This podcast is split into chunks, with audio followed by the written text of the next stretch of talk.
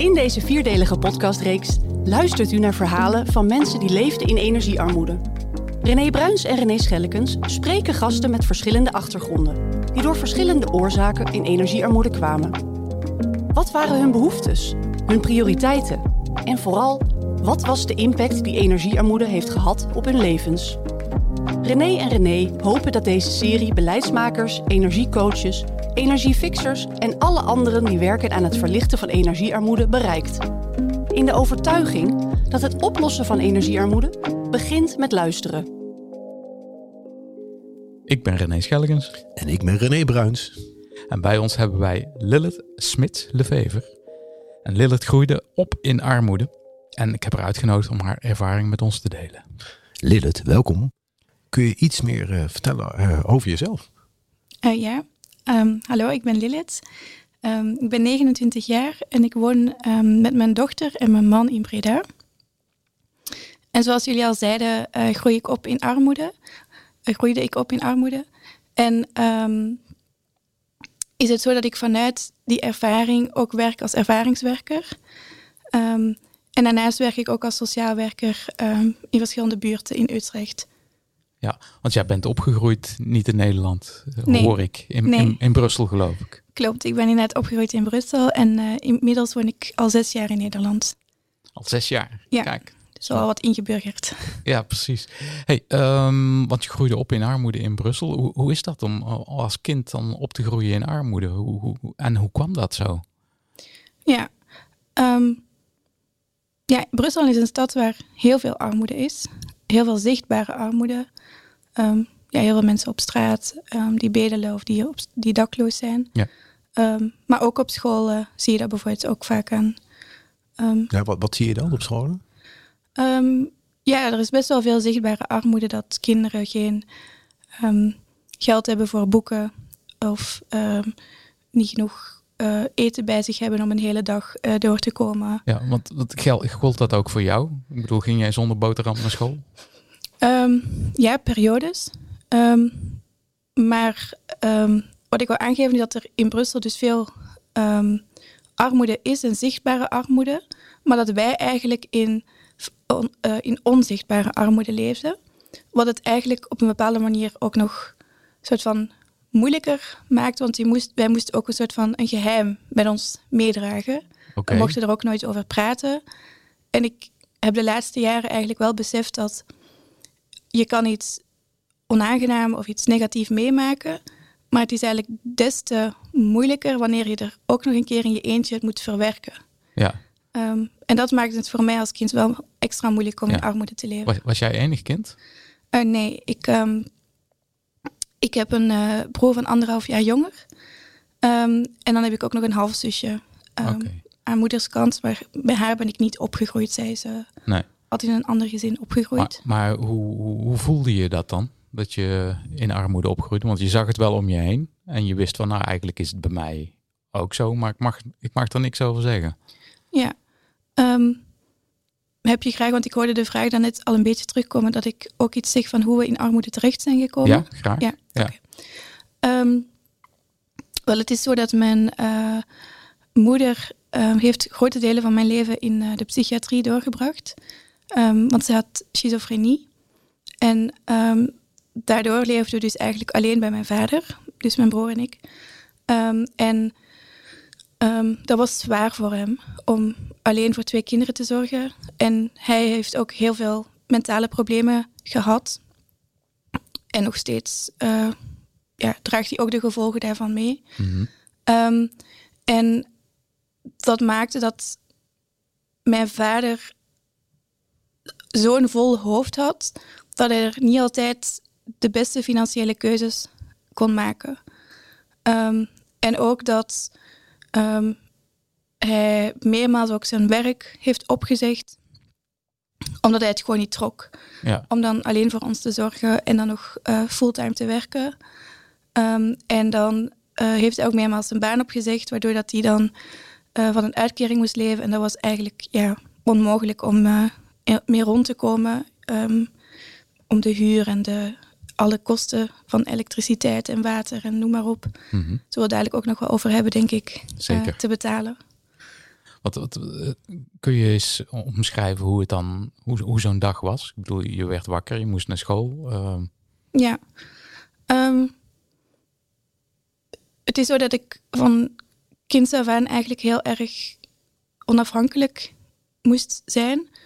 Ehm, dus eigenlijk was ik dan degene die de wekker zette. En ik ging dan bijvoorbeeld ook mijn vader wakker maken en mijn broer wakker maken.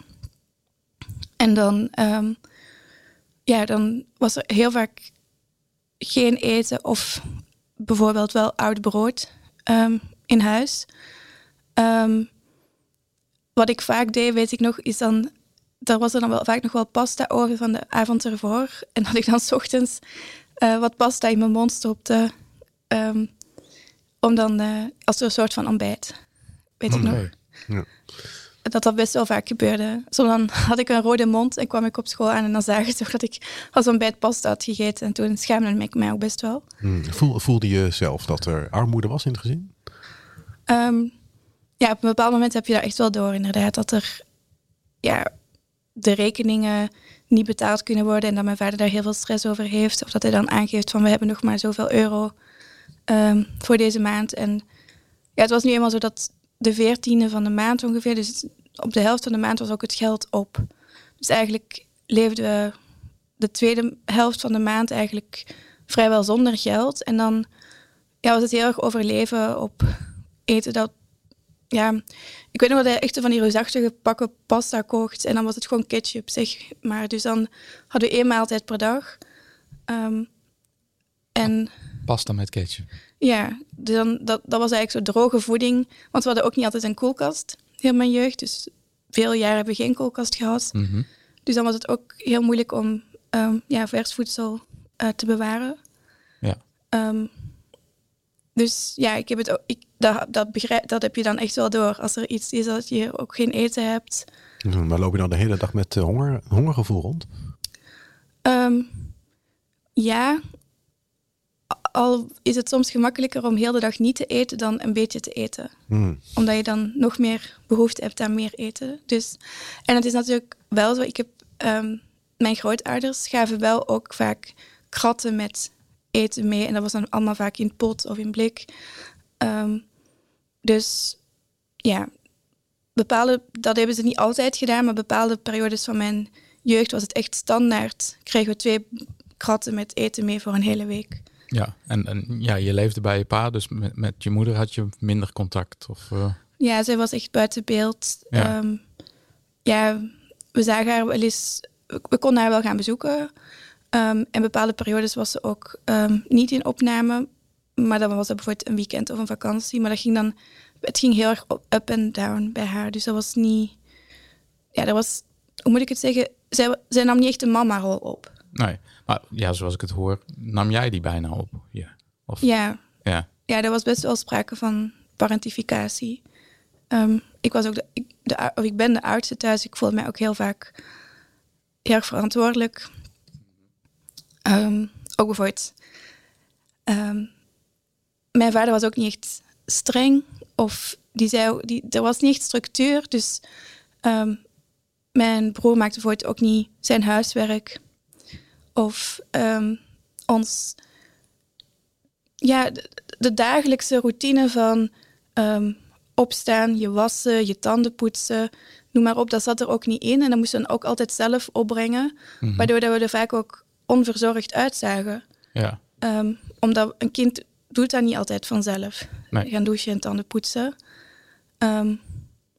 Ja, En, en wa- wa- was het überhaupt eigenlijk altijd mogelijk om te douchen? Want je zegt de rekeningen konden niet altijd een koude douche. Ja, daar sta je ook niet op te wachten, s ochtends. Nee, klopt. We hebben jarenlang ehm, heb ik eigenlijk gedoucht tussen aanhalingstekens met gewoon een emmer water dat we deels met de ehm, koud water vulden en deels met de waterkoker vulden. Eh, omdat er geen warm water eh, uit de douche kwam. Ehm, en dat was vooral omdat, dat was niet zozeer om de rekeningen niet te kunnen betalen, maar dat was, ja, deels, maar dat was vooral omdat de, ehm, de boiler eh, kapot was en ehm, die niet gerepareerd kon worden. Dat er geen geld voor eh, was. Ja, en omdat mijn vader ehm, ook zo min mogelijk gedoe had met de huisbaas. Oh, omdat hij dan ook al vaak hij enkele maanden huur achterliep. En Mhm. Eigenlijk elke keer was elk, elk contact met die huisbaas was negatief. En dan ging mijn vader niet ook nog een keer vragen van, oh de boiler is kapot, kun je die laten Ja. repareren? Eigenlijk stond hij bij die huisbaas in een soort van in het krijt, waardoor dat het denk ik een drempel was om eh, dingen die dan in huis gerepareerd moesten worden of zo te laten maken. Ja, dus eigenlijk de, de, ehm, de omgeving waar je dan in woont, in eh, het huis zelf, werd eigenlijk dan ook gaandeweg steeds slechter. Ja, ja ik ben ehm, ook een tijd hebben we ehm, in het huis van mijn overgrootmoeder gewoond. Dat was dan niet in Brussel, ehm, omdat daar dan geen huur betaald moest worden en mijn vader had eigenlijk geen keus. Dus dan zijn we daar gaan wonen en daar was schimmel op de muren en, en noem maar op, gewoon omdat het was koud, dus het, het deed de ramen ook niet open, dus het werd ook niet goed verlucht en noem Mm. maar op. En dat was ook ook niet goed. Ja, dat was ook enkel glas, dus ook continu zo druppeltjes op het glas. Heb, heb je ook het idee dat je daar eh, misschien gezondheidsproblemen aan hebt overgehouden aan, aan, aan zo'n leefomstandigheid? Aan dat vocht en die schimmel? Ehm, aan het vocht en de schimmel niet zozeer. Het is niet dat ik daardoor last heb aan mijn longen of noem maar op. Dat heb ik allemaal nooit gehad. Je broer ook niet? Nee, Nee. nee. Het heeft wel een grote impact gehad op mijn gezondheid. In de zin van dat doordat er bepaalde periodes wel eten in huis was en bepaalde periodes niet eten in huis of geen eten in huis was, ik ehm, een heel ongezonde relatie met eten heb opgebouwd. Wanneer er dan eh, wel eten was, dan ging ik heel erg hamsteren. Ja. Dan ehm, was eigenlijk ja, echt het overlevings Mhm. eigenlijk van nu is er eten, dus nu moet ik eten. En ehm, ik ging dan ook vaak eten verstoppen in mijn kamer. Of ik probeerde dan wat mee te nemen in mijn kamer voor als het later dan nodig zou zijn. Maar dat lukte mij dan niet om dat dan nog een paar dagen te bewaren. Dat was dan vaak allemaal in één keer op. En dan heb ik op die manier eigenlijk een, ja, een eetbuisstoornis ontwikkeld. Omdat ik dan eigenlijk alles meteen alles op had. En dat gaf me dan eigenlijk op korte termijn een heel fijn gevoel.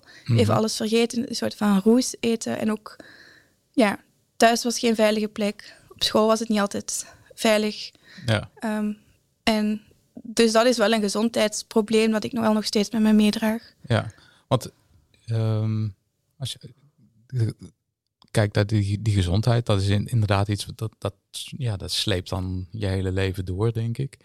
Ehm, heb jij misschien wat voorbeelden van hoe dat bij jullie in huis ging? Hoe, hoe werd het huis verwarmd? Want je zegt al van oh, koud douchen. ehm, daar hadden jullie een oplossing voor, maar waren er nog andere oplossingen waarvan je denkt van nou, eigenlijk heel, heel vreemd of anders? Ja, ehm, ik weet eigenlijk niet precies waarom, maar heel vaak deed de verwarming het niet. Ik weet eigenlijk niet, ligt dat aan rekeningen of dat die kapot was. Maar in ieder geval, de, de centrale verwarming werkte vaak niet. Ehm, en wat vaak gebeurde was in de winter dat mijn vader dan de oven in de keuken, dat was een gasoven, helemaal eh, openzette en het aanzette. En dat dat dan er tenminste voor zorgde dat de keuken ehm, warm aanvoelde. Maar ja, dat is natuurlijk ook ja, niet de meest ehm, duurzame, laat staan, ehm, ja, financieel Goedkope manier. goedkope manier inderdaad. En een ander voorbeeld is dat mijn vader kocht dan vaak van die elektrische vuurtjes, die dan, ja, dat is dan een halve meter hoog of zo, en die zet je dan op een tafel. En zo stonden er dan meestal meerdere in huis, Ehm, op onze kamer, in de badkamer, noem maar op. En ik heb altijd gehoord dat dat veel duurder is dan wanneer je de eh, centrale verwarming zou aanzetten. En ik merkte ook dat die elektrische vuurtjes dan ook heel vaak snel kapot gingen. Mhm. Dus waardoor dat er dan vaak opnieuw een vuurtje moest gekocht worden. En dat, dat, ja, dat zorgt ook niet bepaald voor ehm, lange termijn duurzame oplossingen. Want denk je dat je vader dat besefte dat dat veel duurder was? Ja, maar op dat moment, Eh, Er moest een noodoplossing komen. ja, Ja. ja, ja. Ehm, ja, dus en, en dat zijn concrete manieren waarop hij dan eh, anders verwarmde. En ehm, natuurlijk deden we dan ook gewoon dikkere kleding aan en eh, dekens en zo. Dus dat waren dan wel eerste stappen die we zetten, al voordat dan het elektrisch vuurtje aanging. Ja. Maar ja, Als dat dan echt niet meer ging, dan kwam het Ja. elektrisch vuur of dan ging de oven open. ja inderdaad. Ja. Ja. Is, is daar in die tijd ook, kreeg je hulpverlening in huis? Of was jouw pa zo trots dat hij dat allemaal probeerde ja, weg te stoppen? Of, eh, Ja, hij was heel erg hulpmijdend. Hij ehm, was heel te trots. En, en hij wou ook absoluut geen mensen die zich gingen bemoeien. Hij wou geen gedoe van mensen die zich gingen bemoeien met hoe hij het deed. En op welke manier dat je dan hulp aanvraagt, dan ehm, moet je je vaak toch verantwoorden. Of dan eh, kijken mensen mee van hoe loopt het hier en kan je, kunnen we jou helpen. En Ja. hetzelfde ook, geldt ook voor familie en vrienden. Eh, waardoor dat we des te meer in. Mhm. Maar waarom wilde je vader dat niet? Was het Ehm, trots of... of eh, Ja, inderdaad, de trots en het, het gewoon niet kunnen hebben als mensen zich met zijn leven of zijn manier van opvoeden bemoeien. mhm. Ehm, en ook inderdaad ook angst ehm, voor eh, het eventueel eh, laten uit huis halen van ons. Oké, ja. Ja, nee, Dus dat, die angst was er ook wel. ja, dat snap ik wel. Ja. Want het is als, als je ehm, nu kijkt, hè, want we hebben nu, is er heel veel sprake van energiearmoede. Was er toen ook al. Maar goed, nu, nu wordt dat zo eh, benoemd. Ja. Er zijn ook allerlei regelingen voor. Zou jouw pa daar gebruik van gemaakt hebben? Nee, nee. Helaas niet. Nee. Hij zou... Nee. Hij wou, hij wou echt dat er niemand anders dan hijzelf ehm zich bezig hield met hoe zijn huishouden Ja. draaide. Dus zeg hij, maar. hij zag bijna een, een gevaar in allerlei instanties dan. Ja, ja, ja, klopt. ja, maar ha- had hij, dan geen, had hij dan geen medelijden met jullie als kinderen? Dat je bijvoorbeeld eh, in een koud huis zat of dat je niet kon douchen? Ik heb de indruk dat zijn hoofd zo vol zat met zijn eigen mentale stress, dat hij eigenlijk het er niet kon bijnemen om ook nog een keer onze stress en eh, problemen er te gaan bijnemen. Ehm, maar het klopt, hij heeft nooit zich verontschuldigd of laten blijken dat hij het jammer vond dat we zo leefden. Hm, Want heb je het daar nou wel eens met hem over gehad? Ehm, ja en nee. Ehm, mijn broer is best wel boos over hoe we soms behandeld zijn geweest. En hij is daar wel, heeft dat wel duidelijk uitgesproken naar mijn vader toe. En naar aanleiding daarvan heeft wel mijn vader aan mij gevraagd van hoe dat ik dat beleefde. En ik heb daar toen wel eerlijk op geantwoord. Ehm, maar ik merkte wel, ik ben heel conflictvermijdend en ik wou dat ook helemaal niet ehm, nu een probleem laten zijn. Want nu heb ik er eigenlijk echt niks meer aan om met hem Mhm. Ehm, Gedoe te hebben over gedoe te hebben. vroeger. Ja, precies. En als je nou achteraf in je vaders schoenen had gestaan, wat had jij nou gedaan?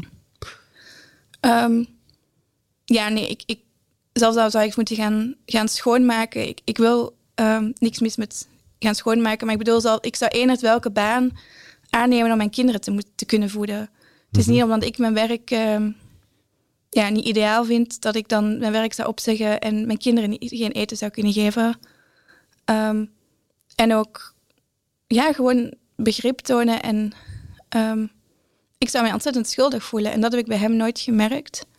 En ik zou inderdaad juist heel erg proberen om te kijken van waar hebben we recht op? Wat kunnen we aanvragen? Ehm, wie kan ons helpen? Ehm, ja, ik zou daar wel heel bewust heel andere keuzes in maken.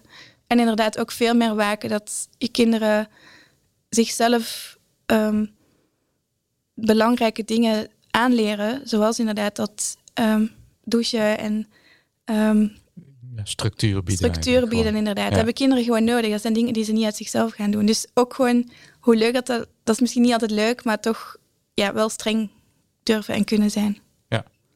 Ik heb nog één afsluitende vraag. Is Misschien een beetje een rare vraag. hè, Maar eh, heel veel mensen die naar deze podcast luisteren, die gaan werken aan energiearmoede om het oplossen daarvan. Die zullen bij mensen thuiskomen. Heb, heb je nog een advies aan die mensen? Van hoe, hoe, ja, hoe, hoe ga je daarmee om? Dat is een moeilijke vraag. Ja, wacht, ik moet even erover nadenken. Ehm, wanneer je bij mensen over de vloer komt, dan bevinden die mensen zich in een best wel kwetsbare situatie. Het is hun privéomgeving waar een buitenstaander in komt. En dat kan voor stress zorgen, zeker als het bijvoorbeeld onverwacht is. En ik denk wat een heel belangrijke is wanneer je daar binnenstapt, is in de eerste plaats mens zijn. En niet alleen maar met jouw doel van ik wil hier um, ervoor zorgen dat die persoon op een duurzamere manier zijn huis gaat inrichten of zo. Maar eerder van ik ben hier een mens en ik ga in gesprek met de ander. En ik besef dat dit voor de ander misschien een um, stresserende of onverwachte situatie kan zijn. En probeer om iets te laten blijken waaruit jij opgeeft dat, je, dat we ons in het hier en nu bevinden. Bijvoorbeeld, oh wat heb je een mooi, uh, mooie tekening aan de muur hangen. Of oh wat een, wat een lieve kat of zo. Iets dat blijk geeft van dat jij echt in het hier en nu, in die ruimte bent en ziet wat er um, gebeurt en dat je de ander ook echt ziet. Waardoor dat de ander zich ook al iets geruster voelt dan wanneer het meteen inhoudelijk over um, energiearmoede gaat. Dus ik denk, zoiets wat je eigenlijk ook bij iemand anders zou zeggen als je op bezoek gaat. Van, oh, wat, ziet, wat een mooie bloem of wat ziet het er vrolijk uit. Die gaat ook niet meteen inhoudelijk heel diep het gesprek aangaan. Um, en wanneer je het, het gesprek er dan over aangaat, heel erg proberen om je eigen beeld van hoe, de, hoe een huis of een samenleving zou moeten zijn, jouw ideaalbeeld, ook niet per se te projecteren op de ander. Um, en ook begrip te hebben dat een ander een heel ander beeld kan hebben en ook veel andere dingen aan zijn of haar hoofd heeft. En daar vooral rekening mee houden met de andere leefwereld, dat die anders is dan jouw eigen leefwereld. Oké, dankjewel. Een hel heldere boodschap. Oké.